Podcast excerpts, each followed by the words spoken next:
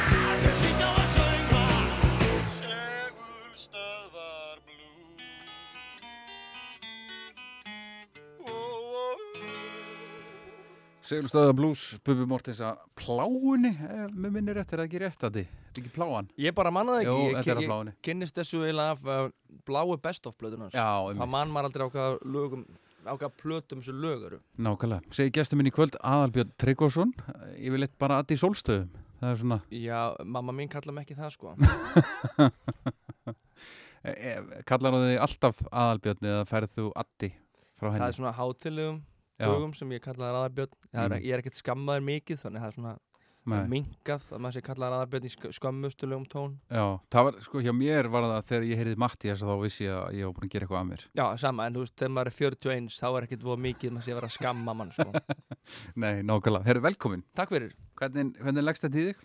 Spóli gegnum þessi lög? Þetta er svolítið fyndið uh, að því kannski mikið af minni svona tónlistar barnæsku einkennist af mjög þungri tónlist Já. sem kannski á ekki alveg við í uh, útvarpi allra landsmanna Láttu ekki svona? Æ, ég, ég segja svona, mér er já. fyrsta, fyrsta diskur sem ég kaupið mér hljóstinni Death og þú ert ekki að fara að spila það hérna en ég ánáttúrulega ég hef alltaf verið með svona opinn tónlistasmekk og Mhm. hérna er ég á alls konar annað öðrus tónlist sem ég líka hlusta á og þannig hérna, þetta er bara mjög skemmtilegt að fara yfir þetta og hérna svona Já, ég veit nefnilega út mikil aðlæta músík, sko.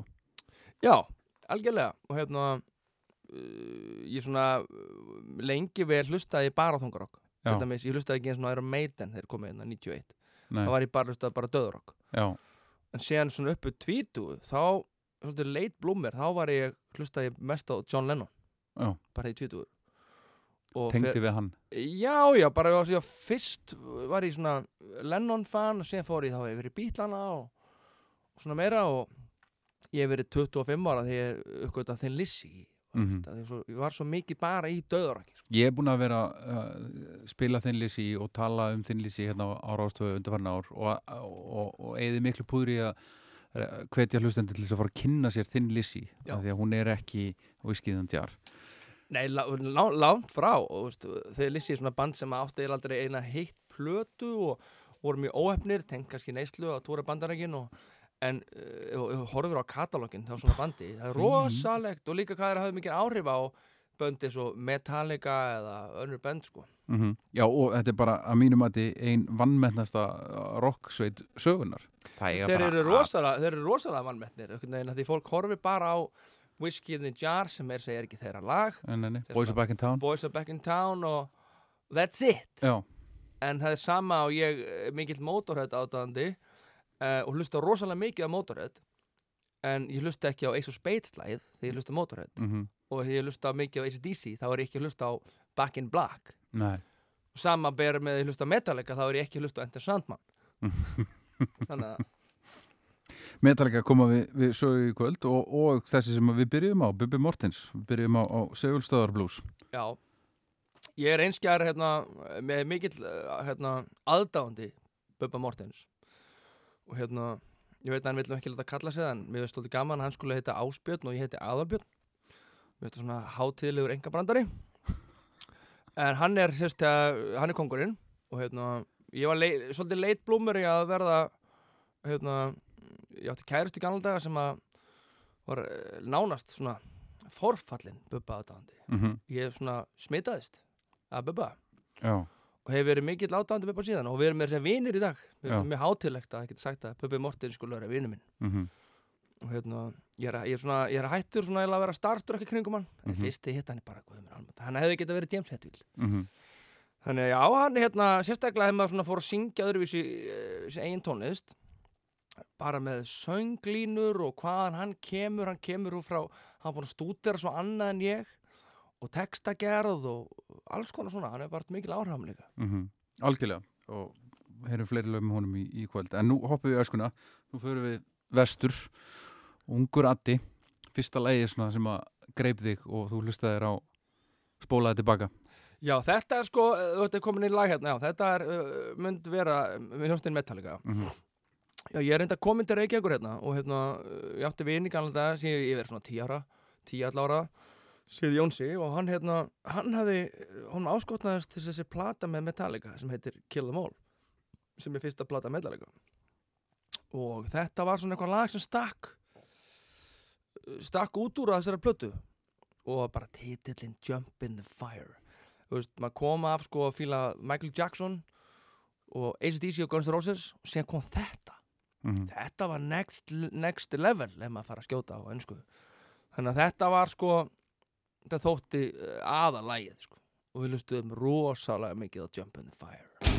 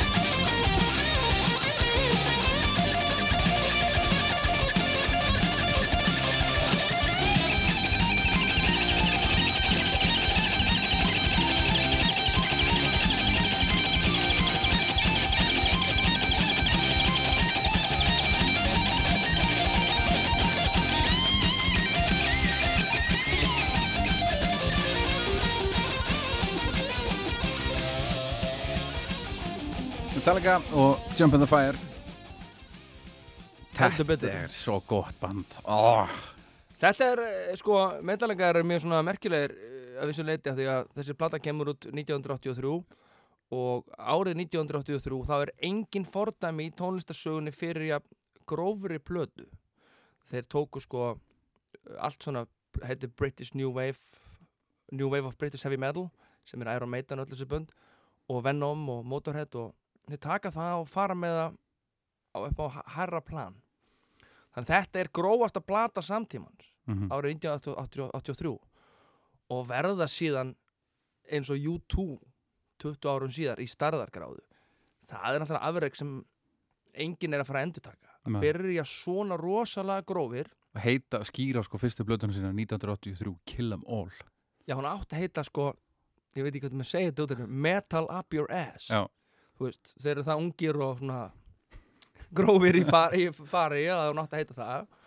Og hérna, já, og síðan bara eh, afsönnuðu þeir það að þeir væru bara eitthvað enn eitt bandi sem gerðu orðið hennar plötu og síðan plötuna sem kom eftir er the Lightning og Mm. Master of Puppets gera þessa plötu bara eh, næstu tveim, þreim árum.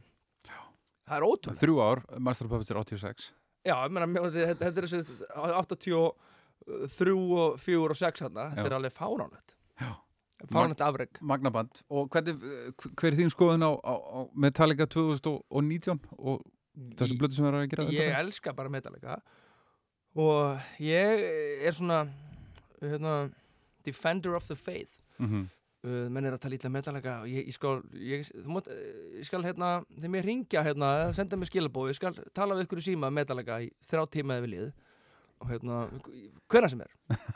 Um Metallica. Og hérna ég mikla skoðuna, ég bara finnst þið frábærir og þeir þurfu ekki verið að gera í dag. Þeir eru það stórir, þeir geta gert það sem þeir vilja. Þeir hafa alltaf verið að verið að myndi tannana fólki gefum út plötu með uh, akústík uh, klassískum gítar sem kemur út á uh, Ride the Lightning, það var að fór allt vittlust á. Þá væri rótni sellout. Síðan gera þær plötu sem heyrist ekki bassanum á, það var allt vittlust síðan gera þær svörtu plötuna. Þá verður allt vittlust síðan gera þær lót. Þá verður allt vittlust þú veist, þetta er ótrúlegt. Síðan gera þær plötu sem er of of hérna kompressuð í masteringu. Já. þá verður allt vittlust Hvað veitu, hvaða plata var það þurr? það var Death Magnetic. Já, já, já, já. gæðin sem masteraði hana vildi ekki svona hafa nafni sitt á henni. Þannig að það- þeir hafa alltaf þú veist, Ted Jensen sem er frægasti masteringa í heimi líku við. Og hérna, já, þannig að þeir eru alltaf að gera það sem vilja og þeir eru enda að spila 2,5 tíma á dag. Ég veit það, 55 ára. Ég veit það. Og fylla 30-50 sem hana hallir. Já, já, ekkert mál. Og spila Jump in the Fire Já. og Hit the Light og Whiplash. Mm Disposable Heroes. Við erum ekki að tala um Satisfaction og Gimme Shelter sko. nei, nei, nei, nei, nei. Herðu, uh, þá hoppum við í, í æskuna. Hvað er þetta, alveg nu? Ég er alveg upp á Ísafverði Fættur í Reykjavík en uh, elst upp á Ísafverði frá uh, 0 til 10 ára. Já. Í gamla bakarínu mm og hérna, Alveg upp bara fyrir aftan kassan já já bak og vínabröðin Já. og hjúsgagnarveslunni sem pabbi rakk og hérna, sem flytti við, flytti við Suður 1987 og hérna í breiðaltið Já, þetta, er, að þetta, það er, þetta er góð blanda, Ísafjörður og Breiðalti Já, já, þeir segja að þetta sé hinn gullna blanda. Já, já. Hver, hver er þá? Kitty Rock, sko. Hitt hann þetta fram í, hann sagði að þetta veri hinn gullna blanda. Já, Já. nákvæmlega og, og hvort hérna lítur á þig sem breiðhilding eða, eða ísfering Það veldur á því hvernig ég er að tala við. Ég skil. Þegar ég hitta Kitty, hitti Kitty Rock þá er ég frá Ísafjörði Þegar ég hitti einhvern sem er úr alveg breiðaltunum þá er ég úr breiðaltunum Já, já, já. En uh, já, 0 til 10 ára þú veist, ég ætla að 41 í dag þannig ég er tæknilega sér á Reykjavík. Já. En ég hef það mikla taugar til Ísafjörðar Já. Þannig ég er mun alltaf vera Ísfjörðingur í, í hjartanu. Mm finna bara, um að fljúa inn fjörðin og inn í djúpið í fokkarnum og fyrir nokkrum árum. Já, það er allt bara, vá, ég kom til Ísafjörðar og keira frá flugullinum inn í bæ, þetta er bara það er engin tilfinning eins Nei, að koma á þennan stað ég er sammálaður, ég er ekki eins og frá Ísafjörði sko. Já, en, en hún, eh, þessi bær hérna með, með sérstakka staði mínu hjarta sko. því að keira bara frá flugullinum það eru minningar öllum hotnum hvar maður spilaði fótbolta á ruslahugunum hvar maður var að reykja njóláni fjöru hvar maður var að sigla okkur júróbretti sem 8-9 ára hvar maður var leika sér í heiskap, hvar maður var að BMX allstaðar Já, eru minningar Já. ég á ekkert margar svona staði í lífinu sko. nei, nákvæmlega Þannig að það hefur verið viðbriði fyrir að fara á þessu svona litla bæjarfélagi og svona dóldi einogra og í, í já, ég beint í að, veist, aðalega máli var að það sem var staðsti munurinn var það að krakkar í Reykjavík þeir þurftu að móka hól til að búa, snjó, búa til snjóhús. Já, ég fór bara í garð og það var þryggja metra hengja. Og ég gæti gert svona heila borg sem komum til Reykjavíkur og þurftu að móka hól til að gera snjóhús. Já, það var mestu viðbreiðin já. En, en tónlistin á heimilinu var stalast upp? Það var eiginlega ekkert mikið sko. Uh, pappi hafði gefið plötna sínar það var svona hortnar og uh, ég fekk tvær plötur af mömmu. Það var hérna, eiginlega þrjár. Ég fekk hérna mm, Led Zeppelin 1 fyrsta mm. -hmm. plötur Led Zeppelin 1 og uh, Deep Purple Fireball. Og uh, bláu Best of já. en það var, þau hlustuðu ekkert mikið á tónlist sko. Það var ekkert mikið sko. Þess að er þetta er nú gott vegan Já, þetta er mjög gott viðnæsti En það var eitt eitthvað sem mamma talaði alltaf um Kings. Já, Ég hef aldrei hlustað mikið á Kings. Frábælega hljómsveit. Já, hún bara alltaf tala um þetta an island og söng þetta alltaf og þú veist, hún, ef hún heyrir þetta þá fer hún að hlæja sko, þegar, þetta söng hún alltaf og það eru nokkur ár síðan ég fór að tjekka á þessu, hvað lag er þetta hana? An island. Sömdi þetta hérna? Er það málið? Já. Ég, vissi það ekki. Þannig hérna, ég fór bara að tjekka á þessu Það lag fjallar um þegar þeir voru á Íslandi. Ok, mamma sagði mér það ekkert. Nei, ok þú ert að segja mér fréttir. Já, Þannig, það, nei, það var ekkert mikið sko. Þannig hérna Það var eiginlega bara maður kemur su, e, suður, aldrei fór maður suður. Þegar ég kem suður og hérna ég kynnist nú mjög snemma þar svona æsku vinnum mínum sem að og flestir áttu nú eitt hljóðfæri frá pappa sínum. Ég Mhm. átti bassa og Bjarki vinnum minn átti gamla Gretz frá sínum pappa og sem hafði nú eitt sinn verið í hérna hérna gítarleikarni í óðumönum, það átti hann Gretz það þótti okkur mjög flott. Við vorum bara að semja, semja. 12 ára og tæknilega séður ég bara enda að semja eitthvað döðrak sko.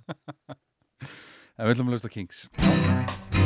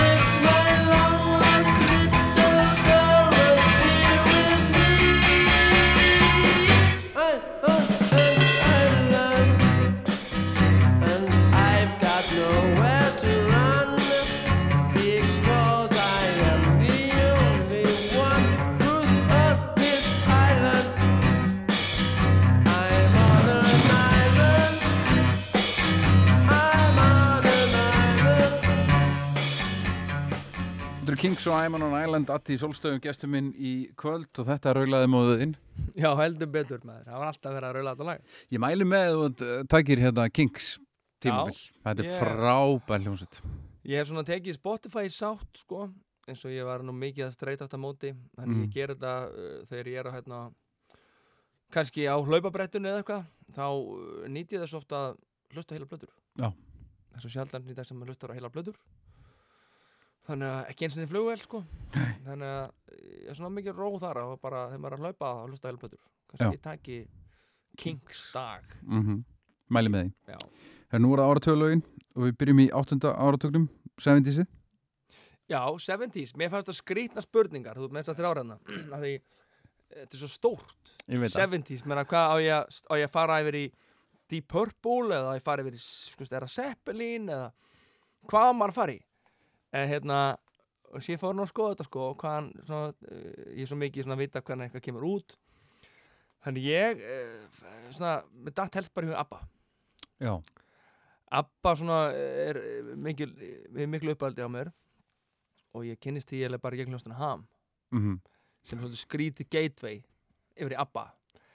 En þeir voru þarna þú ótta, og Óta Profi Já, Óttar elskar þess að ljómsveit sko. ég veit, þetta er allt óttar að kenna að þakka.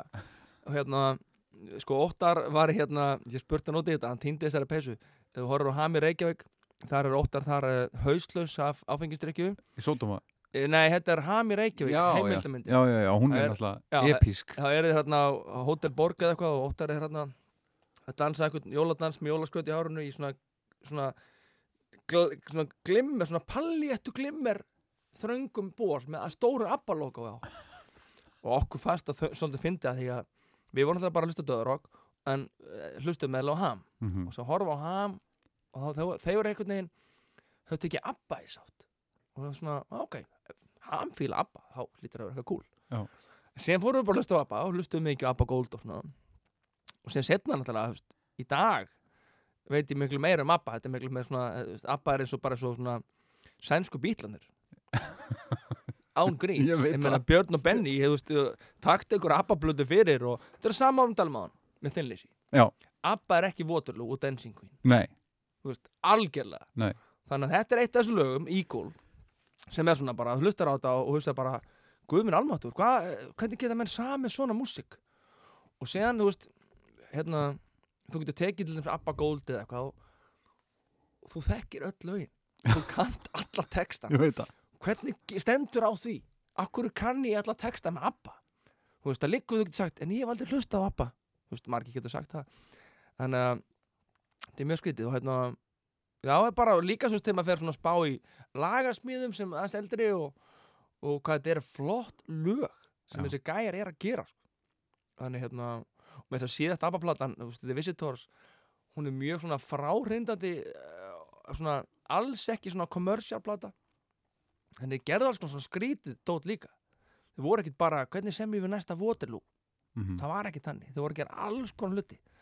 Og síðan, þú veist, maður getur farið ég hitt oft svona vini sem er að baðandur og fyrir við kannski bara tala um bara trommulegarni Abba þá getur við kannski bara að tala bara trommulegarni Abba og ég fór líka á myndum að sá Abba safnið hérna í Stokkólmi ég mæli með því fyrir alla sem fara til Stokkólm að faraðu á Abba safnið. Er það magnað? það er ekki að þetta, búningar og Þessi búninga voru náttúrulega rosalega já, já, og dót úr stúdíónu. Já, þeir áttu hérna Polar Studios. Já, já. það eru dót, það eru mixerar og you name it sko.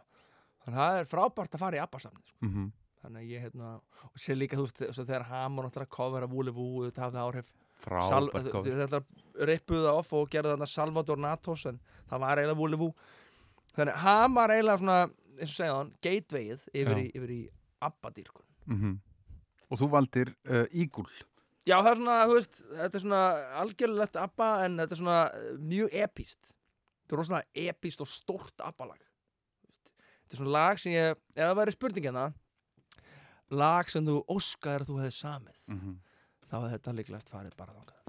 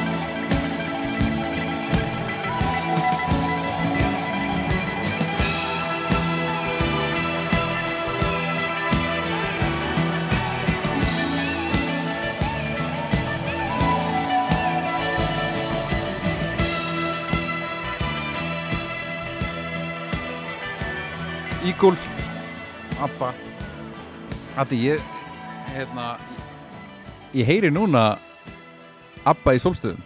Já, já. Það er ekkert lindó, lindó. Nei, þú ert búin að segja, ég ég hef sagt það hérna á, á rástu, þetta er bara Abba. Já, ég meina, þú þetta er bara þú veist, ég er nú á því að allt sem þú hlustar á og það horfir eða svona upplifir þú- það fer inn í þig mm og þú getur gert að meðvitað eða ómeðvitað það kemur út sko. Já, þannig ég hef hlustað rosa mikið á ABBA og þannig þegar maður að semja þá e- ertu búin að svona inhale. Já. Þannig jú, jú, auðvitað er eitthvað svona einhver ABBA, það eru ABBA áhrif svolstöðum eðlilega, já, já, alveg svo eru hama áhrif eða, mm Hann koma við svo eftir. Já, Herðu, nýjöndu áratugurinn. 80s Hvað er 80s Addi? já, það er eiginlega sko, þarna er ég ætla orðin sko, ég er að upplifa ekkert sko 70s Nei, nei. músík, að því ég fætti 77 ég fætti 7. 7. 77 uh, hérna. Heilu tala. Já, ég skil ekkit okkur Seventh Son of the Seventh Son er ekki svona lista hérna. Hérna, já, Það er gott lag. Það er frábært lag. Það er frábært blötu Hérna, já uh, það er það bara Michael Jackson. Já. Hann var alltaf svona fyrsti sem ég sko dyrkaði sko. Og hérna og þetta er svona uh, mikið af svona tónlist sem maður kannski elst upp við uh, og hlustar á einn dag. Þá hún ekki e- eldist ekki jafn, uh, svona jafnvel og önnur músík. Til dæmis er uh, fyrst mér Thriller með Michael Jackson hafa elst mun betur en bad. Já. Hlustar á hana production wise mm það er alltaf alls konar svona skrítin element á bad en Thriller er einhvern veginn svona já, hún er svona meira tímalaus. Samla og það er alltaf að á þessari plötu er alltaf að Thriller er frábært Beat er frábært. En mér veist einhvern veginn Billie Jean sko hérna, já, heyrðu, ég má nú segja það sko því talandi með áhrif sko, það er mér að það er bassalína í Billie Jean. Dun dun dun dun dun dun dun dun. Þessi lína hana fengum maður að láni sko. Já. Í einu lagi í, í, í sólstöðum síðast Og hérna, það er mér fyndið sko það held að einn komið og sagt heyrðu þetta er eitt bassalínur úr Billie Jean. Já, já, ég heldur betur. Þú ert annar sem þú tekið eftir því. Þetta er svona tribute, það maður veist að me- mega sko. Og kannski í ljósið þess að ég hef oft heyrt þessa bassalínu annar staðar þetta er svona, Já, já. þú ert skrifað þetta og þetta sé svo blues. Mm en nánast uh, almenningsegn það fer enginn að fara í mál við þú samt í blueslag sem hljómar svo þetta blueslag. Nei, nei. Þannig að já, Michael Jackson var sérst, ég, ég fóð mér að segja Michael Jackson dansnámskeið þegar Já. ég var sko. Mér langaði. Kom, Það var ekki já, til peningu fyrir því. þetta var það sem skil, nei, tjók nei, ég fór það ekki, ég verið, ég veit ekki 11, 12, ég, ég veit ekki hvað ég gammal og hérna og ég, í dag, ég hérna ég hlusta ofta á, sko það er lögið svo Dirty Diana og sem er hérna er af bad, sko. Mm frábært stöf þetta er svona sama um að tala með ABBA. Þetta er svona semja, Michael var ekkert einn með kassagítar enn í herbyggi þú veist að hérna, hann með Quincy Jones og alls konar ofurhetjur sem er að Hans- gera þetta með sér. Hann samti líka sko með söng.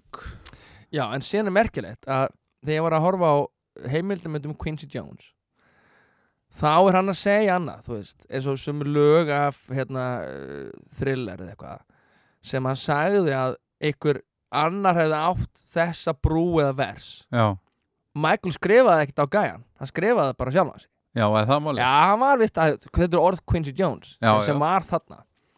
Þannig að þetta er svona uh, mikil pæld lög mm en það er þetta á þeim tíma sem að stúdjó voru alveg stúdjó og menn áttu ógeðslega mikið peningum og svona voru að gera alveg stöf Já. þannig að þetta er frábært lag að frábæra blödu og ég geti önnur lög en þetta er svona þetta er eiginlega skemmtilegt að lagið sko. Billie Jean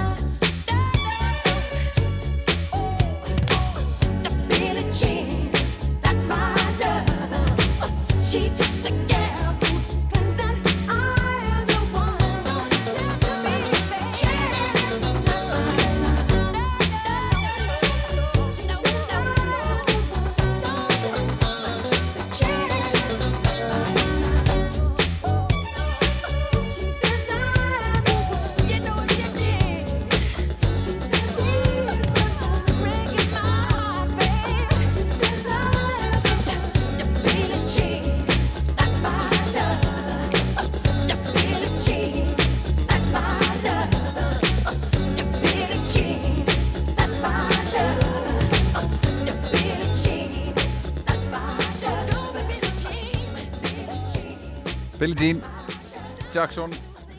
Þetta er æðislegt lag maður. Þetta er frábært lag. Tíundu áratugurinn Adi Já, þá erum við sko komin í svona uh, svona úlingsárin sko. Já.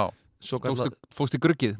Svona svolítið 90s Já, þetta var svolítið skrítið af því að við vorum þannig ennþá sko að hlusta mikið á döðurokk uh, svona 90s Mér er svo skrítið að nota íslensk orðið yfir þetta. Mhm. Það ruggla svo Og hérna, já, en þú veist, ég var þannig þarna bara, þú veist, þegar veist, Nirvana er að koma fram og það var þetta skrítið að það var eitt ár sem að, þú veist það voru eiginlega bara tvær plötur sem að heyri öll í partíum það var sko það var Body Count Já. og Nevermind mm -hmm. það bara dominitaði öll partí Já. og hérna, síðan þegar fylgdi síðan sko e, við erum þegar að tala um Smashing Pumpkins hérna, sem að kemur svona upp á sama tíma og Nirvana En- Alltaf svona aðeins til hliða við þessa stefnu. Já, þú veist sérstaklega því að sko fyrsta Pumpkins-platan Giss kemur út uh, 91 held ég. Hún fór alveg í skuggan að Nevermind. Mhm. það átti engin sjens í það sko. En sem kemur uh, Simon's Dream út 93 ef mann er rétt. Og þá var að komið mikið á minn radar sko, svo plata. Og af öllum þessum, plöt, þessum hljómsveitum ég var aldrei mikið fyrir Pearl Jam Alice in Chains fór ég mikið en Pumpkins var svona mér fannst ekki og finnst ekki vera partur af þessari grönd senu nei, nei, uh, Korgan er einn af mínum uh, hérna, uppáháls uh, tónlistamönnum og lagahöfundum sem er einmitt mikill Phil Lynott aðdáðandi hefur hitt hann? Korgan? já, Já, já, ég veit Korgan. Ég, var, ég hef aldrei verið jafn starstruck. Mm ég var hérna búin að túra í tvo mánuði mánuði í Evrópu og flög yfir til Ameríku og annar mánuð og var sérst búin að leika rockstjórn í tvo mánuði. Og sen lappa inn á okkar kaffihús eða tehús sem hann á í út í aðri í Chicago. Mér var sagt að hann væri þar og ég lappaði þar inn, það var svona tólmannsandinni og ég bara frá því að vera, við erum búin að leika rockstjórn í tvo mánuði þá snerust pólarnir við svo hratt ég kom bara ekki úr orðu já, fjö- að að þú fórst að hann var bara hann. að DJ eitthvað 50s jólaplötur. Já, já, ok og ég þorði ekkert að fara að tala við hann. Ég þurfti bara að fara hann á klósett og horfa í speilin og eiga svona samtal. Ég átti samtali sjálf mig eins og John Travolta átti Pulp Fiction. Það fór henni Já. talaði svona þú fer bara að gera þetta. Og ég lappa út, fór bara að helsa á honum. Og sagði við ættum sammeilagi vini. Sem voru krakkandinn í Sigurós að ég vissi að Sigurós að hitta hann okkur túr sko. Ég gæti ekkert hann sagt við hann. Hvað átti Nei, ég að segja, hey Billy I love you þannig ég spjallaði hans við hann og hann var bara mjög næs varmjölugur Já. en það sem ég var starstruck. Rosalega. En ég sérst einna já, Siamese Dream fannst mér svona plata sem að breytti miklu, hún var allt öðruvís en veist, uh, Nevermind og hún er með svo kallum svona Big Muff gítarhljóm. Fyrir sem allir gítarleikarar þekkja. Og það var einhvern veginn að öðru sem lagast mér og hérna, hann er mikill svona þungarokkari það er, veist, hvort að sé sko Thin Lizzy eða Black Sabbath eða svona og þetta er bara fyrsta lagið á Siamese Dream og síðan kemur næsta plata Melancholy, hún er ennþá stærri plata, sko, hún var söluæsta töfald, hún var söluæsta töfaldi geisladiskur frá upphafi Já. þá sko, það var engin, engin hann samti 50 lög og út 28 það þótti bara career suicide. Mm en hún bara fór í gull.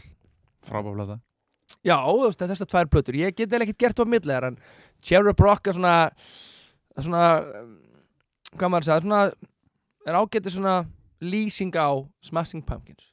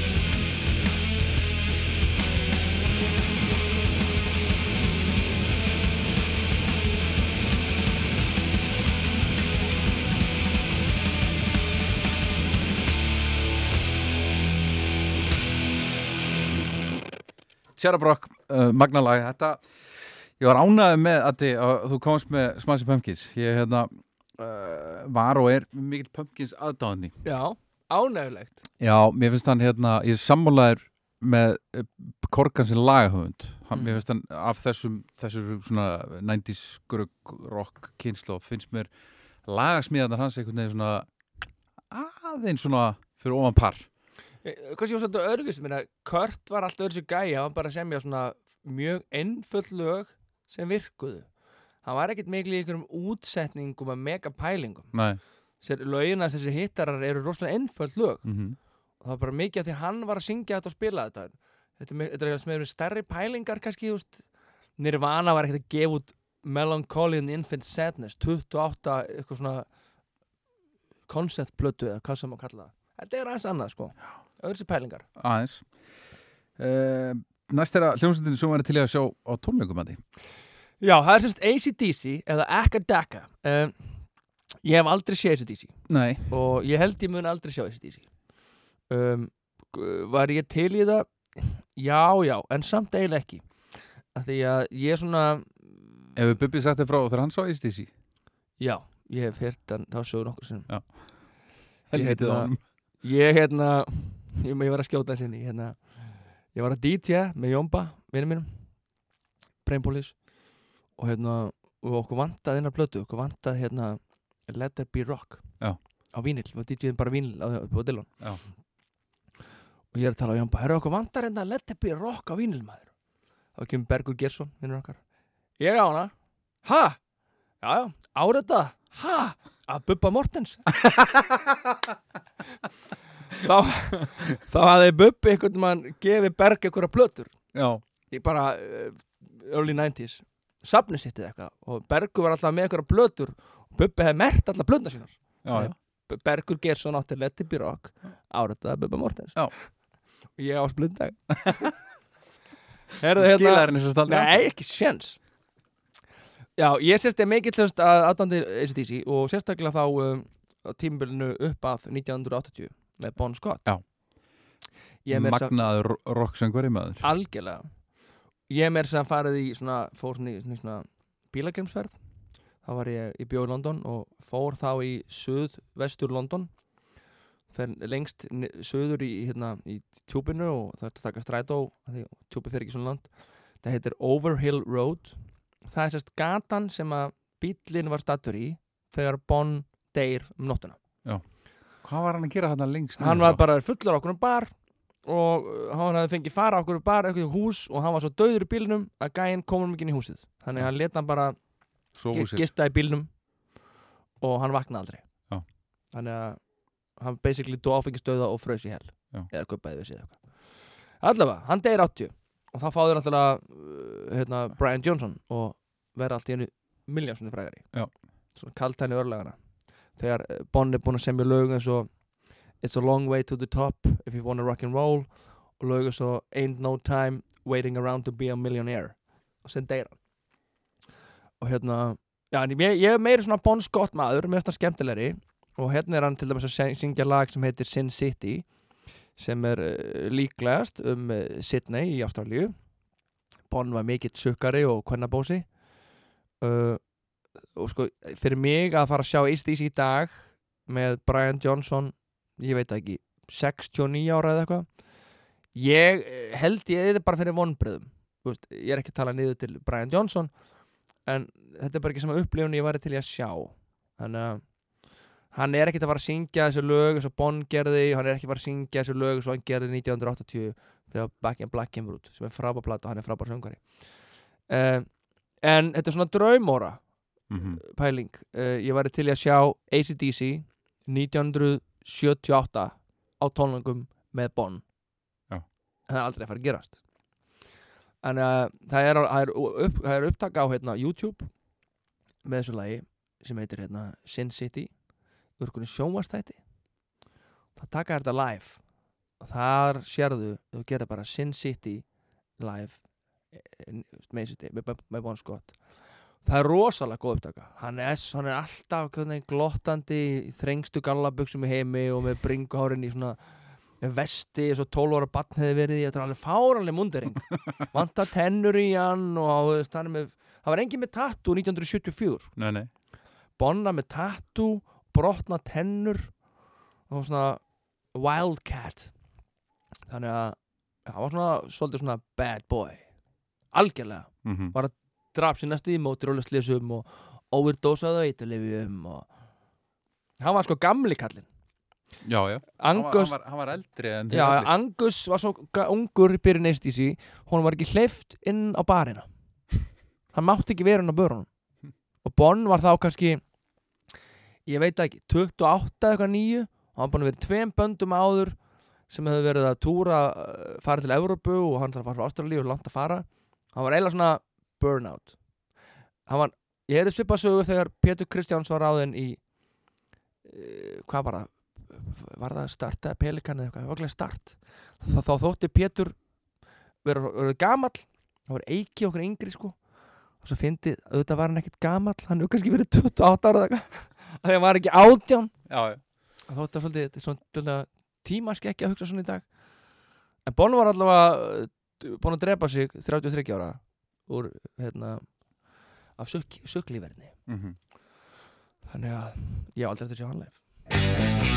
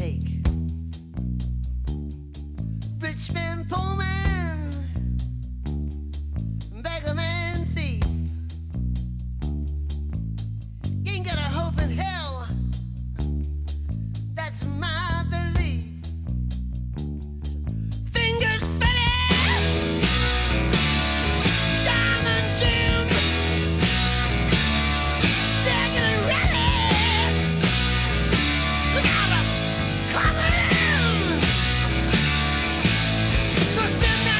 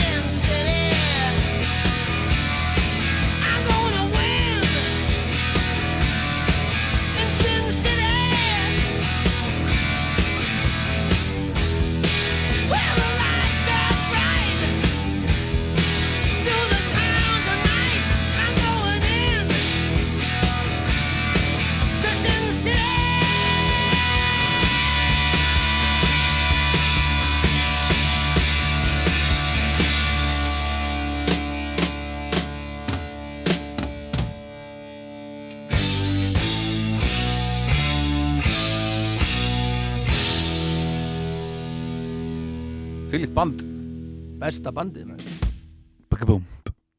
Alltaf eins Ég, ég hlusta, já Ég hlusta rosalega mikið á ACDC Mér finnst það stöldum eins og að fá með súrefni bara eða, eða fara í bað eða borða. Mhm. bara rosalega mikið oft á flugvöllum. Þeir stend upp úr hérna búin að horfa á sjónarpið í flugvölli svo stendur maður upp og þarf að taka töskuna og labba í gegnum allt og svona þá getur þú að segja töskunar þá rosalega oft. Setjum bara á Powerade með ACDC Já. er bara einn í heiminum? Bara núla þig? Með ACDC Já, það? nákvæmlega. Er það rétt, þú spyrir gítarleikaran mm. Er það rétt að, að það er mjög svona lungið og pínu flókið að spila þessi riff? Já, það er skal eins hérna, einföld og þau eru. Það er mjög uh, flott hérna nýtt vídeo aftur á YouTube. Já, hérna er Scott Ian úr Anthrax já, hann er að eh, svona tala um Malcolm Young. Sem það lést þetta daginn. Og hann er bara, hann heldur á gítarnum hans eða alvins sem Gretz gítar og hann er bara að spila þessi riff. Já. og maður sem spilaði bara 35 riff alla fyrirlin ekkert annað. Nei, hann spilaði bara þessi riff Já, og stendur í sömu fótsporunum alla koncerta já, lappa bara tvö skrif áfram og það syngja Thunder og lappa tilbaka já, í bakgröndum Já. já, þetta er rosalega hann var heilinn að bakvist í sí Já. Það er Malcolm Young, mm mhm, rithmangítar og hérna, já þetta að spila almennilega rithmangítar, það er ekkit fyrir hvern sem er sko. Sér var líka með, þykkustu strengi í heimi. Ég veit ekki hvort að smári tarfur að sagt mér þetta Hann hefði eitthvað prófa gítar sem hann átt. Svo þetta er vesti gítar í heimi Það er erfitt að spila á þykki strengir í hann af hverju að vera með svona þykka Það strengi slæðir svo fast og spila svo mikið Bara venlega fólk væri búin að slíta alla strengina eitthvað, Já, og, og, og getur líka fengið meira sustain úr strengjum með verið þykkari eða eitthvað svona, Já, eitthvað svona pælingar. En þetta hef ég heyrt frá gítarleikurum og heyrt í ykkur þáttu sig að hlusta á bara að- að spila þessi einföldu í grunninn riff er bara ógeðislega erfitt. Já, er sko er erfitt en að vera svona góður í því? Já. Það er annar mál. Ég gæti spilað þessi riff En ég væri engan veginn Nálætt í, ég er góður í því það er kannski málið. Það er málið. Já, Já.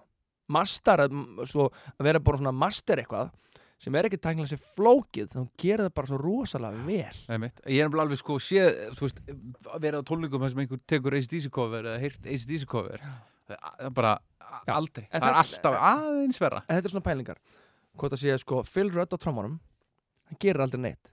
Hann tromma bara sitt beat.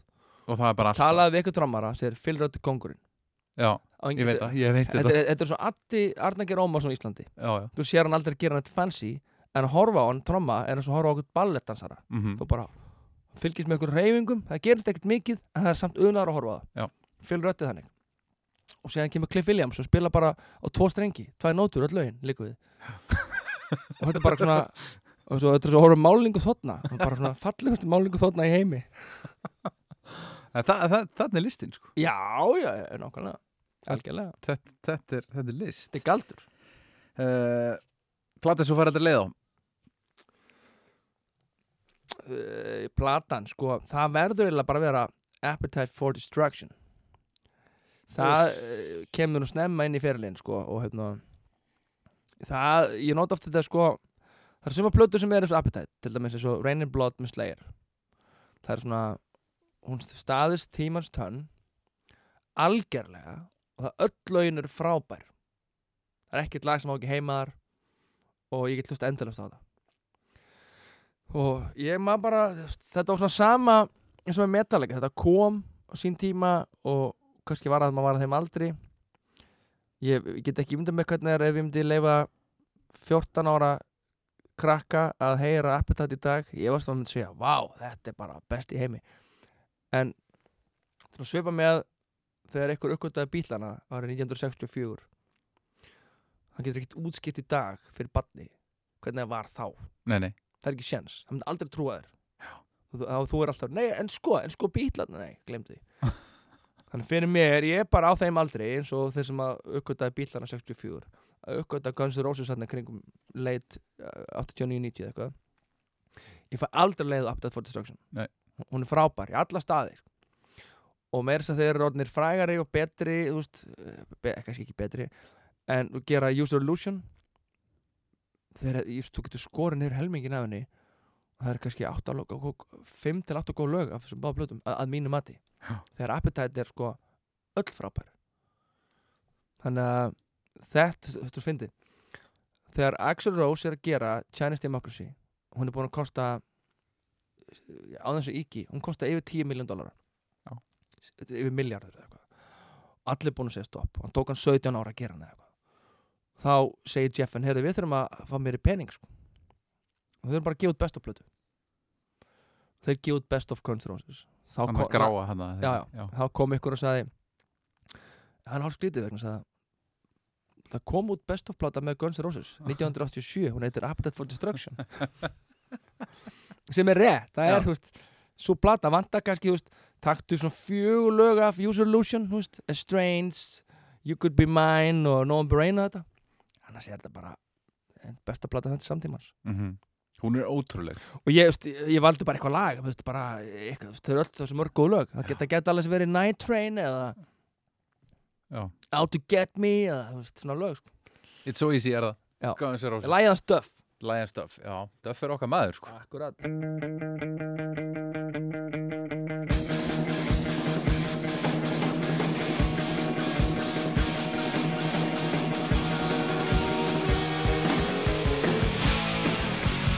I see your sister in a Sunday dress.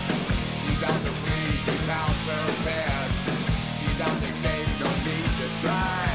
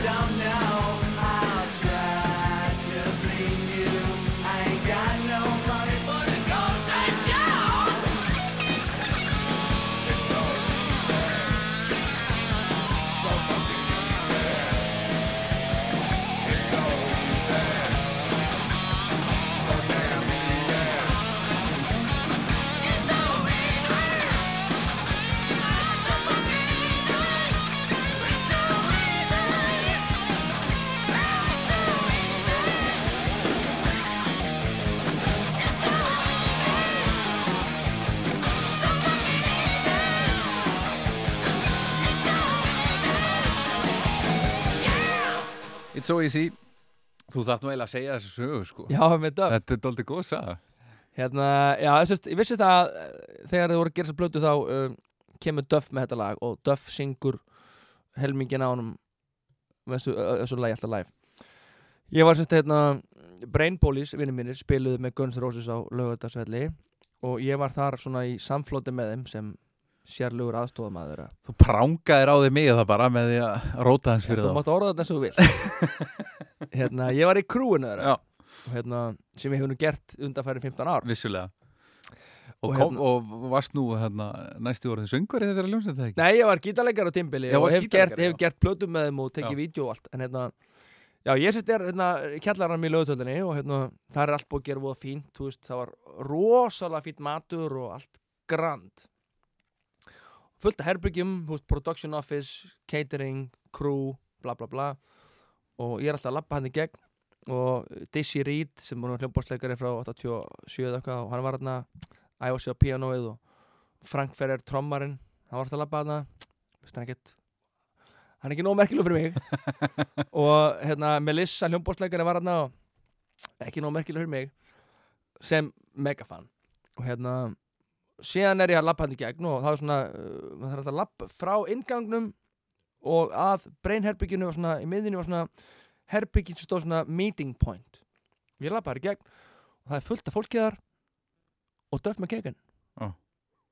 og ég er bara svona óvart tvo metra frá döf og fyrir gæjan sko sem að var að hlusta á Appetite árið 1989 að standa við liðan á Duff McKagan sem ég er búin að lesa, lesa tvær bækur eftir hann og veist, fylgist með honum á fylgist með konin hans á Instagram Já. bara til þess að sjá hvað Duff er að gera er mest hann uh, töff, hann er hetja mín það var mjög skrítið og ég var svona ok, ég er að vinna Ég er nefnilega á sama stað sko. Ég fylgi Duff allstað Mér finnst að hann Já. er bara svo áhugaverð meina, lestu, bara bækurnar Nákvæmlega. þetta er svona feel good svona, þetta er svona gefur lífinu svona auka gildi Mhm. af því hann, hann, hann bara fór á svo í lífinu hann var edru þarna og kefti sér hlutabrefheldi í Starbucks það var lítið fyrirtæki og kefti sér hlutabref öðru fyrirtæki sétt Microsoft. Það er allt svona Seattle fyrirtæki. Borgaði sér vel. Og hérna fór í skóla, business skóla og höfðu skrifa bækur og er frábær. Og hérna, ég stendur leina honum. Ég, hvað ég, seg, ég þorði ekki að tala við hann. Ég fór bara baka og síðan er bara að lappa þrjus sér mann framjá út af ykkur eða, eða ekki út af neinu, kannski bara fara alltaf í cateringuna og síðan svona hugsaði, jæja nú ferð og segir eitthvað. Og ég svona lítið kringum mig að gera hósum mína grannar til að fara að tala við McKagan þá er svona vel breiðu blökkumæður svona meter við mér sem horfur augun á mér og svona hristir hausinn hægt. Nope.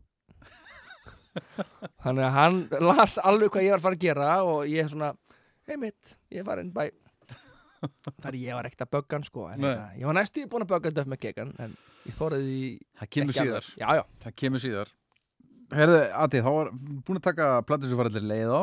Nú var það fyrsta plati sem þú kiftið þér. Já, sko eh, kannski skrítið að hafa annar lag með Michael Jackson hérna en sko, ég á minningu á þessu hérna að þetta er sko ég kefti þessu plötu með móðu minni. Eh, mamma gaf mér pening fyrir þessu og við fórum saman. Það hefur verið steinarbúð á Rauðurástík það er listagalleri hérna núna er hliðin á Lucky Records. Þar var steinar eh, ef ég finn mér rétt mál plötubúð. Á, á hotninu hana Nei, þetta var mitt, hliðin á, á hotninu var Pól Berburg kljófarabúð Já, já, já, alveg rétt. Sem kom steinar. Við keftum hann á kassetu. Já, Já, ég veit ekki okkur við keftum hann á kassetu. Til að hafa hann í bílum Ég held, nei, ég er svo ungur. Ég, ég man ekki þetta hverju. Kannski að því ég man ég, ég svona, Það var til flott kassetaki á heimilinu. Já, Vínill þótt ekki endilega fýtna þarna. Ég átti bara kassetu, ég var alltaf með kassetakið Kefti thriller á kassetu Og það fyrsta svona platan sem ég eignaðist Bara tala alveg um plötur þó sjá gistlisk Eða hvort það Já, platan sem algjörlega. Spotify. breið skífa breiðskifa og hérna, ja, það var sérst þessi plata og þetta er Thriller með Michael Jackson sem við erum nú búin að tala um hvað mér finnst fara på plata. Og ég vil ekkert meira um þetta að segja þetta er bara, nú, þessi, þessi lög standa svona upp úr sko, mm Thriller og, og, og, og Beat It þannig að þetta var fyrsta platan. Og síðan sko fyrsti diskurinn ségnast þá vann ég eitthvað svona á lottó í seljaskóla og fekk innegn í að kaupa disk. Það fór ég að kipta með Scream Bloody Gore með Death. Yes! En við ætlum að hlusta á thriller. Já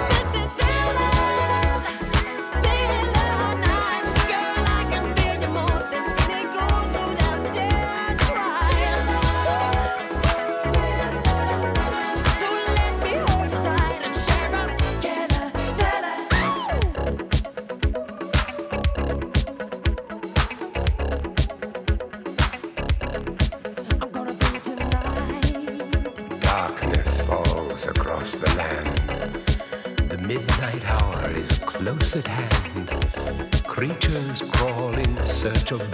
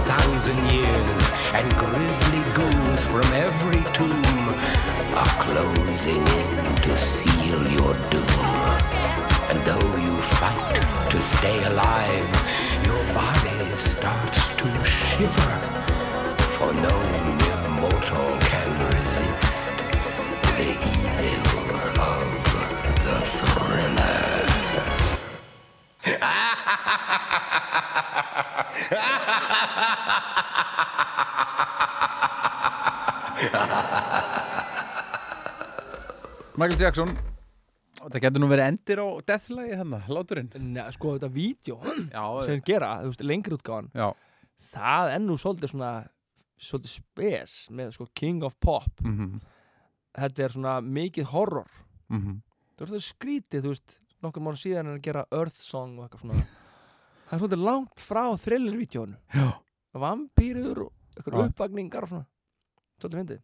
Það er gaman að þessu. Herru, kveikmyndatónlistin Já, sko um, á þess að fara á mikið út í það að láta þið spila hérna uppáhalds kvikmynda tónskáldi mitt sem myndi vera uh, Ennio Morricone mm -hmm. þá á ég hérna annan eh, svona tónlistamann sem er hérna ég með þess að næstu ég fann að tala eins og hann hefði talað með það. Annan tónlistamann sem uh, ég hef mikla mætur á og það myndi vera maður sem heitir Sigurjón Kjartansson. Já, Ísfyrringur Ísveringur, ég eitthvað sagði maður að vera aðkomi Ísveringur, það skiptir ekki máli uh, Já, Sigurjón hérna uh, sko, ég kemst svolítið mikið inn í ham hljónstina uh, kringum Sótum Reykjavík tímbilið mm -hmm. og ég man ég kaupi soundtrackið af Sótum Reykjavík og það finnst mér eitt ef það væri besta íslenska soundtrackið Mm. þá var það mm. Sótum Reykjavík þú veist, það er K.K. og Fungstrassi Káká og Björk sko. K.K. Björk og Fungstrassi Júpiters geggjastöf mm -hmm. Og ham. Og ham. Það eru það þrjú lög með ham og svona Sodoma Theme sem Sigurinn er eitthvað að semja. Og hérna já, og veist, Animalia bara þetta breytir lífinu. Þegar heyra þetta sko, þetta var eitthvað sem að eins og maður bara fyrir að skoða það sko.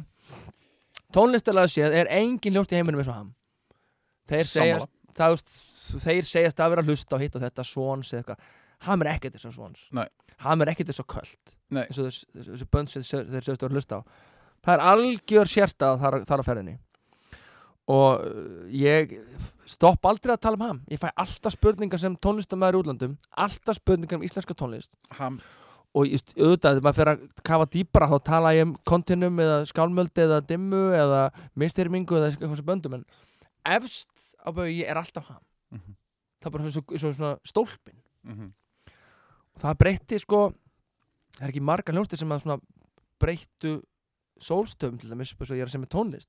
Það hefur verið ham og það hefur verið pumpkins og dark throne. That's it basically. Svona í- til að byrja með. Og ég með þess að tilengaði mér að ég hermdi eftir hvernig Sigur hann spilaði á gítarinn. Mm -hmm. þú veist svona það har aldrei verið að tjóka svona hetfield það er alltaf svona úrliðurinn og flegi ferði ég æfði með þessu og fór að segja mér riff eins og Sigur hann Kjartason Ótrúlega, ótrúlega hljómsveit. Og hérna og hún svona uh, svo á hún sér þessi líf einhvern veginn, hún, hún er eilíf.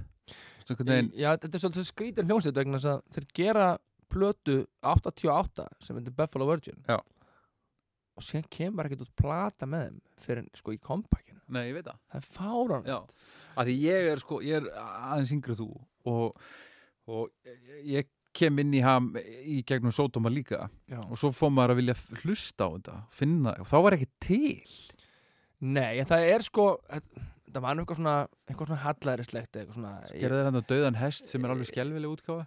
Já, það var alltaf bara hérna uh, saplata Já, þeir gerðu ykkur að plötu sitt pimpmobil, hún kom aldrei út og þetta er svo mikið spinal tap. Já, veist, þeir fóru til New York og að meika það og voru þar, ég veit ekki hvort að vera í þrjá eða nýjum mánuði, spiluðu okkur um þrejum tónlingum og, spila á CBGB, held ég? Já, já, spiluðu á CBGBs en, En þeir heldur líka að það væri bara nóg sko.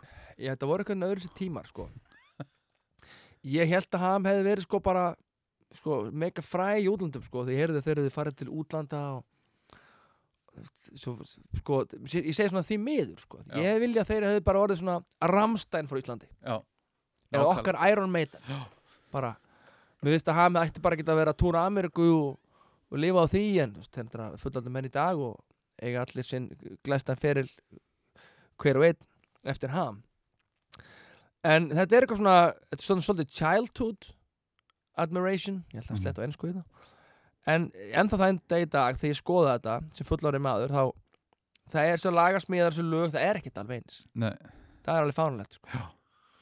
ég, ég er með sem ör á síðunni eftir hérna hérna hamtónleika. Við, tókst þú ekki viðtalið mig og Sigurjón á okkur hóteli? Hérna Airwaves.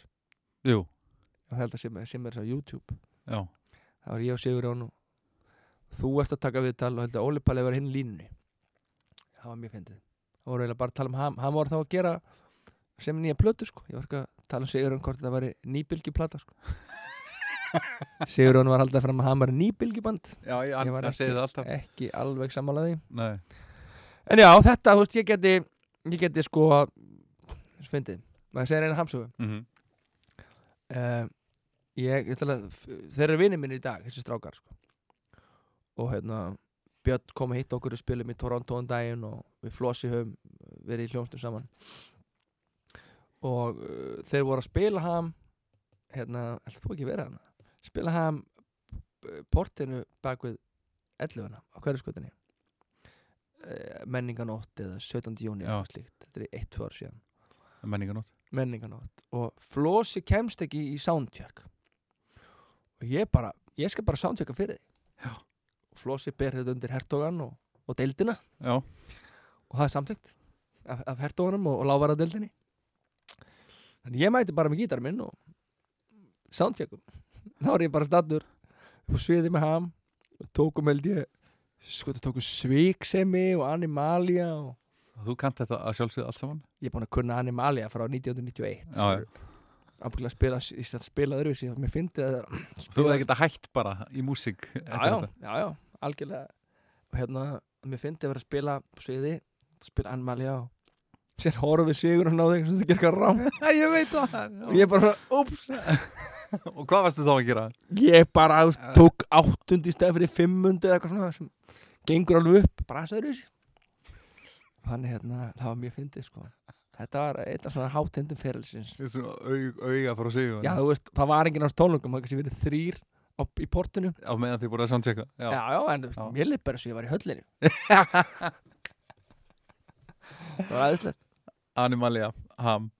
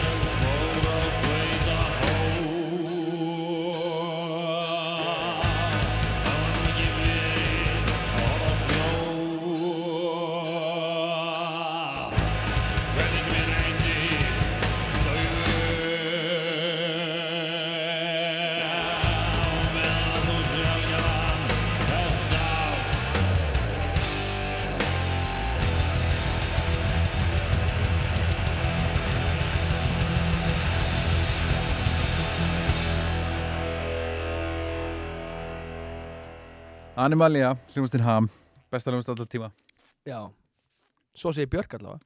Já, ekki lífur hún. Nei. Já, já besta hljómsdinn heimi eins og Ham aðdóðandur segja. Og það er líka eitt að því sem ég held, að þú sitt sammála mér.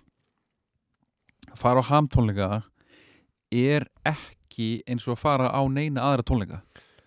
Það er Nei. pínulítið eins og að fara í messu. Sko, já, já, þetta er svona uh, Sko, upplifinu mínu hamdánungum sko, í minningunni er uh, aðalega í norðurkjallara. Já, nokkur tónleikar í norðurkjallara þarna svona 92 kringum 93 já. og hérna og séðan einhverju tónleikar í MR og með þess að í sko, MR þeir spiluðu svona í MR fræði tónleikar það er hérna, þetta er myndir af þessu tónleikum.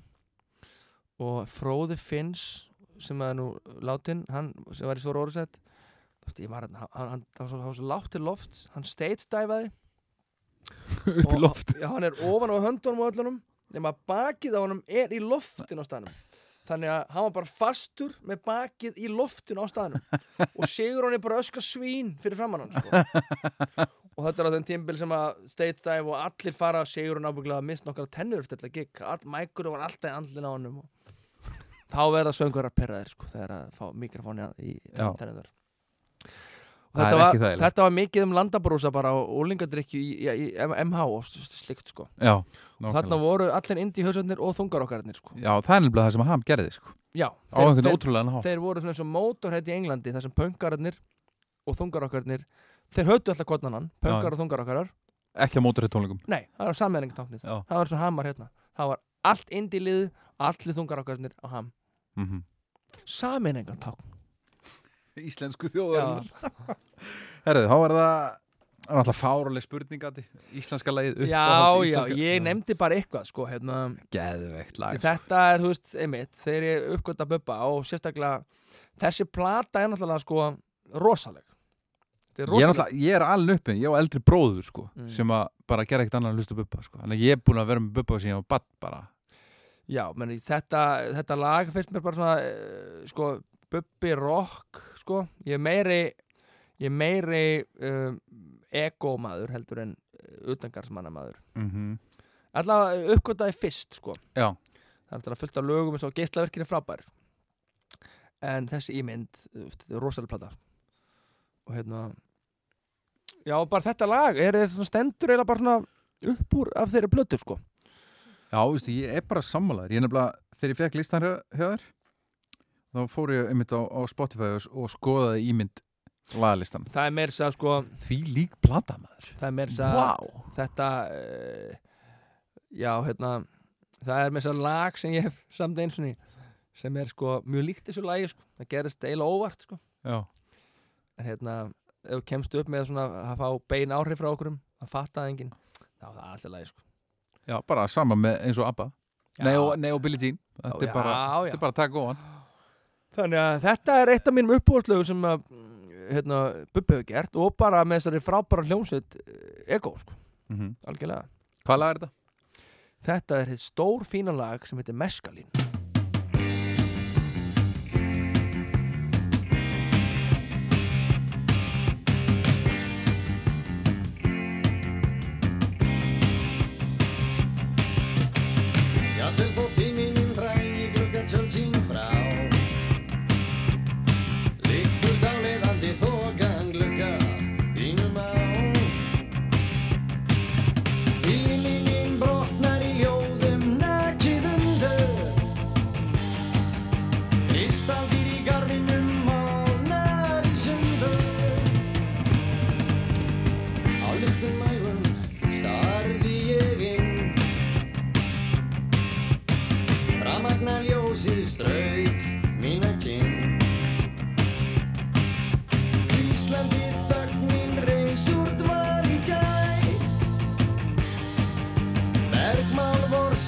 garðinum hennar græ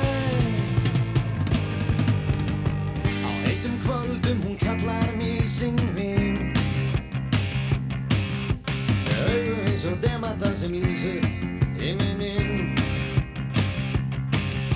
Hún dansar fram að nætur í tungsljósinu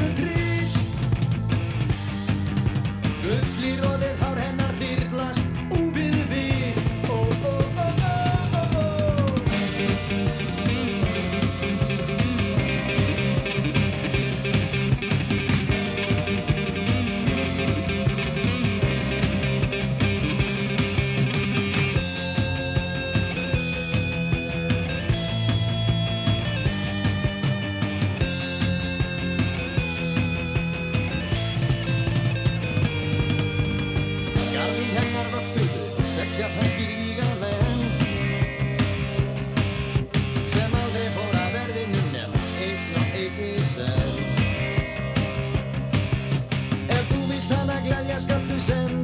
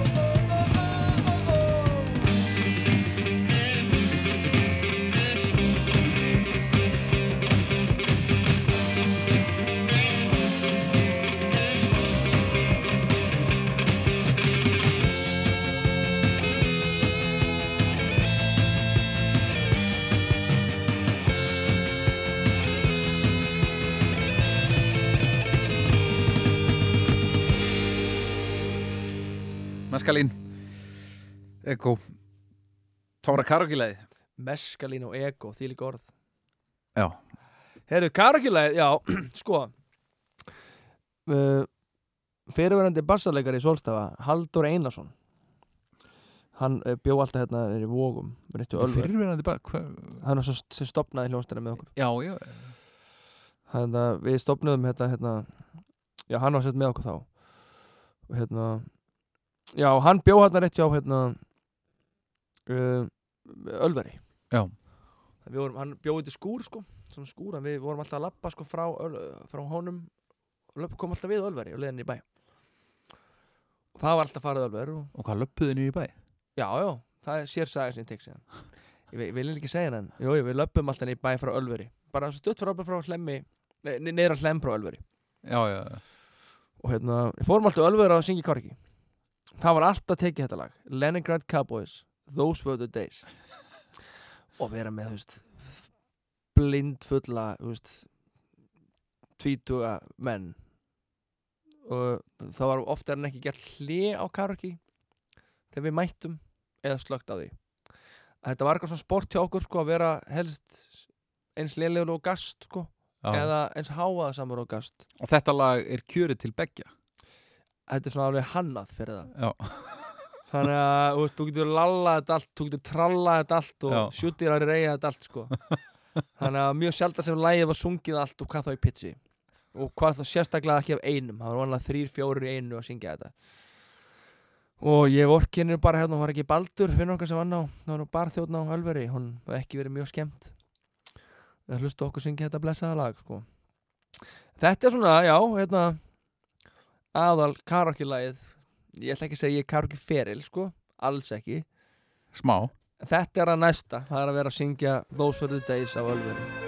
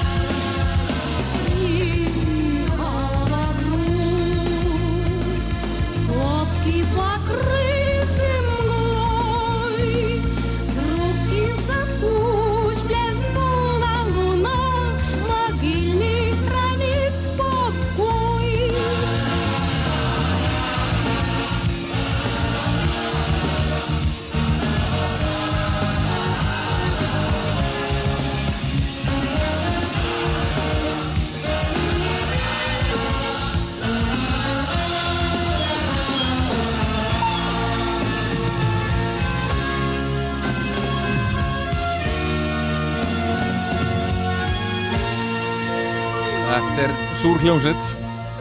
Algjörlega Leningrad Cowboys maður. Líka nafni, sko. Já, þetta er svolítið svona Þetta er súrt. mjög súrt. Herðu, síðasta lægið sem að þú spilaðir á sviði? Já, um, sko ég verið búin að spila þetta þetta, hérna, það er alltaf sama lagið á tónleikum hjá okkur sem síðast.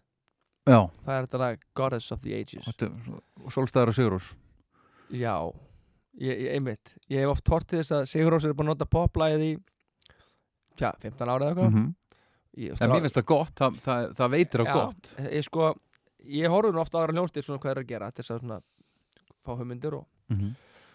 hérna, ég veit að Metallica alltaf nota sömu, sömu lögin einstakir sem breyta þér Sigur Rós er búin að vera með poplægið ábyggla frá því að koma út eða eitthvað. Sem er samt reyndar, sko Aldrei sama lægið, sko Einhvern veginn, þannig. Já, jú, að svona, ok, þú veist, þetta er- þetta er svona, þetta er lokalægir og, og ég get sagt eina sög, maður segja eina Sigur Rós sögu Já.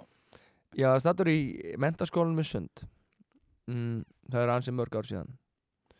Þe- þetta er þegar Englar Alheimsins er að koma út. Já, og þeir eru þar að spila á hátíðasal, MS og þeir taka jarðafarir og dánafregnir.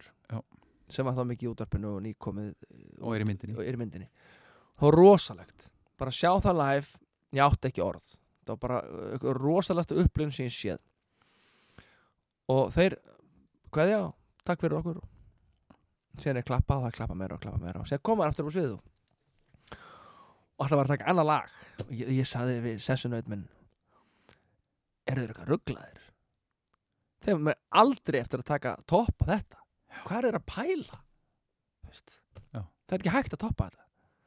Þá komum bara mínu menn taka poplægið ég hefði bara getið hatti minn hefði verið með hatt. Því þetta var rosalegt.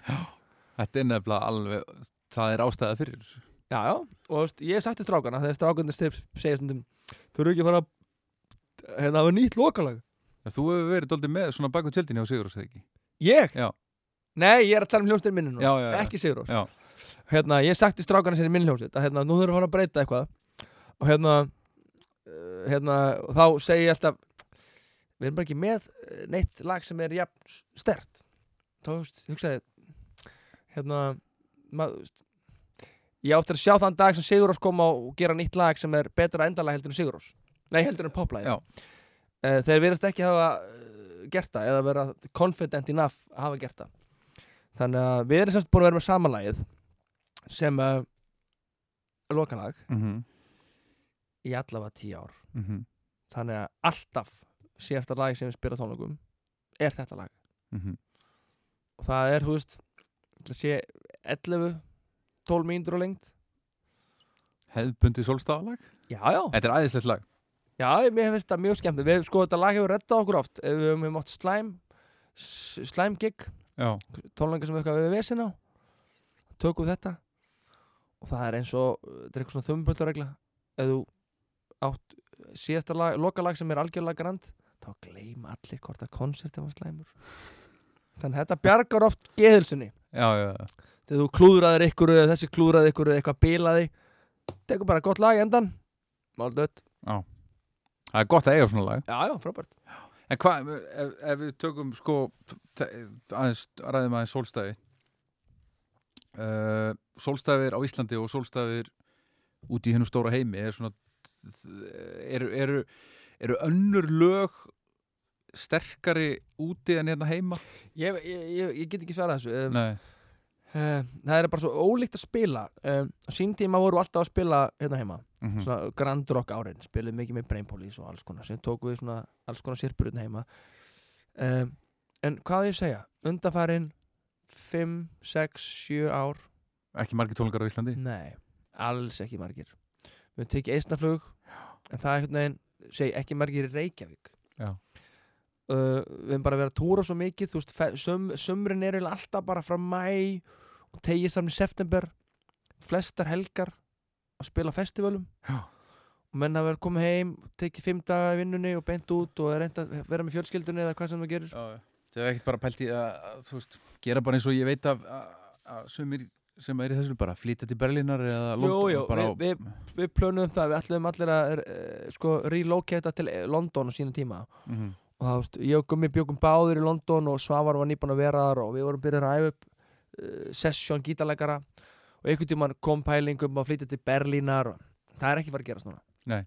það er bara, menn eru með vinnur og eiga börn og fjölskyldur og þannig, hérna, já, og síðan ef maður er búin að spila tónleikum í einna tóm mánuði þá kemur heim og þetta er ekki að fara að plana eitthvað tónleika sko.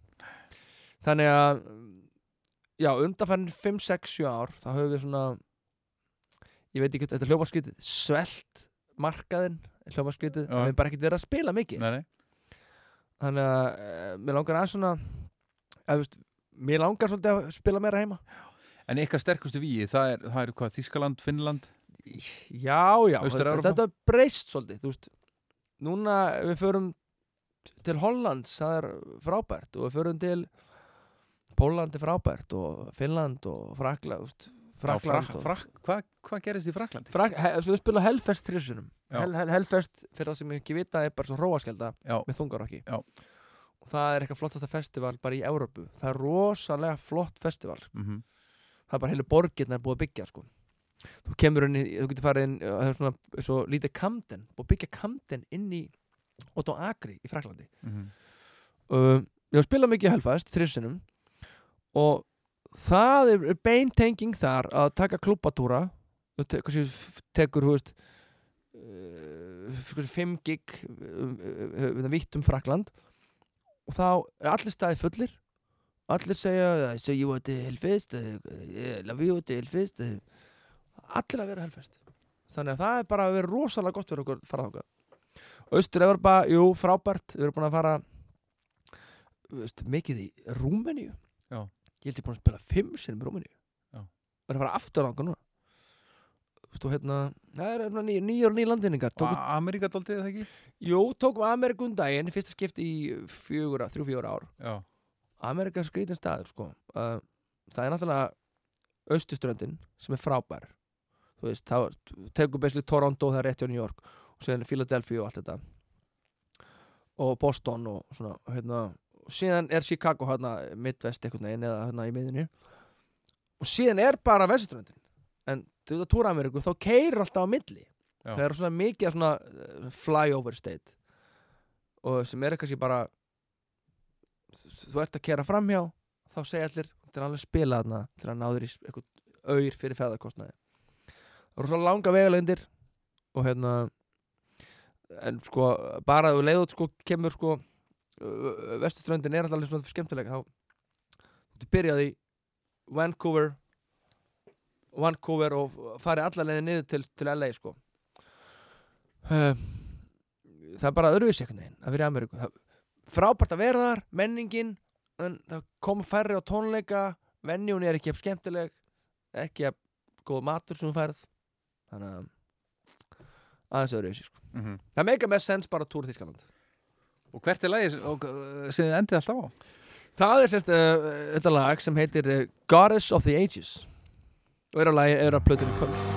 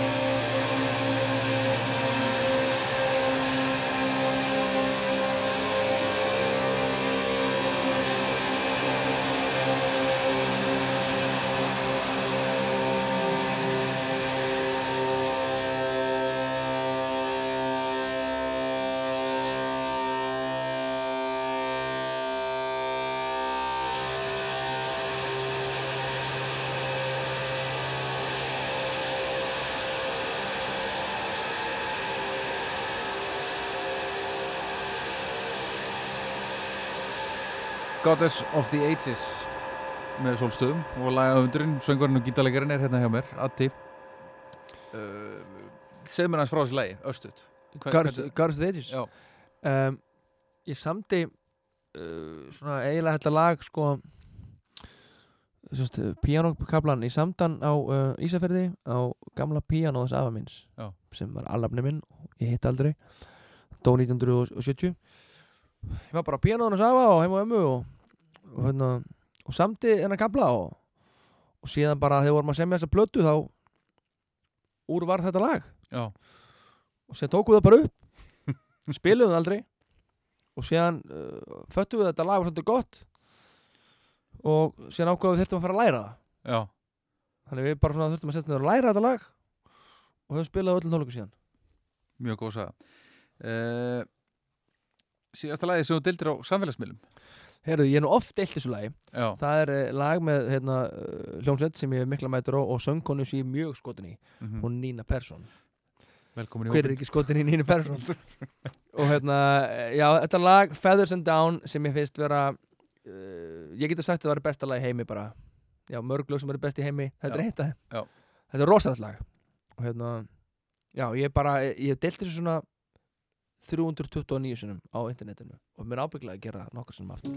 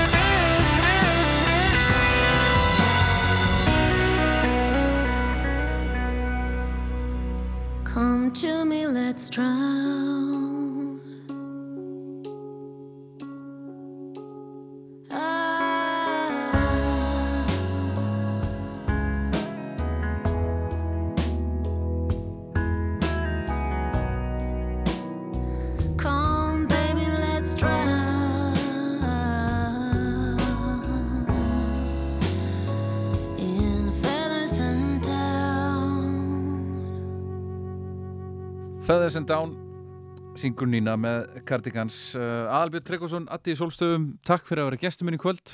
Takk fyrir mig það komið að jarðafara læginu Já, um, sko ég var að í kistulagningi hjá ömmu minni fyrir nokkrum árum og þar var svona sálma uh, bæklingur og það stóð, þú veist, lög eftir þú veist, uh, já, svona, eftir, hvað, veist, ljóð eða svona, hvað segir maður, eitthvað svona mm -hmm. Eitthvað búið að skrifa eftir Mat, Mattias Jókumsson Mattias Jokkumsson og síðan kom eitthvað stið eftir Jón Sebastian Bach og alls svona kappa. Síðan bara aftast Bubbi Mortens. Já. það er bara kallinn á þeim staði í lífunu, hann er bara liðan af Mattias Jokkumsson og Jón Sebastian Bach. Þá kom kór mann ekki alveg hvað kóra var, eitthvað kirkjukór og söng þetta lag að Bubba sem heitir Kveðja. Og það var maður bara uh, sveittur um augun hágrátandi með gæsahúð. Já. og þetta var fallegasta kveðja sem ég upplifði á æfinni Þannig að þú ætlar að að endurtaka leikinn og að hafa kveðjur með Bubba? Þetta Já. er betur. Takk fyrir mig.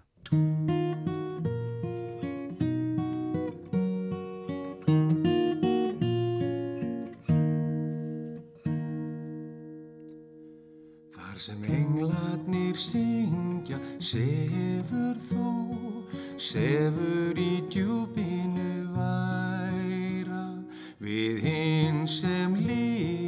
lifum,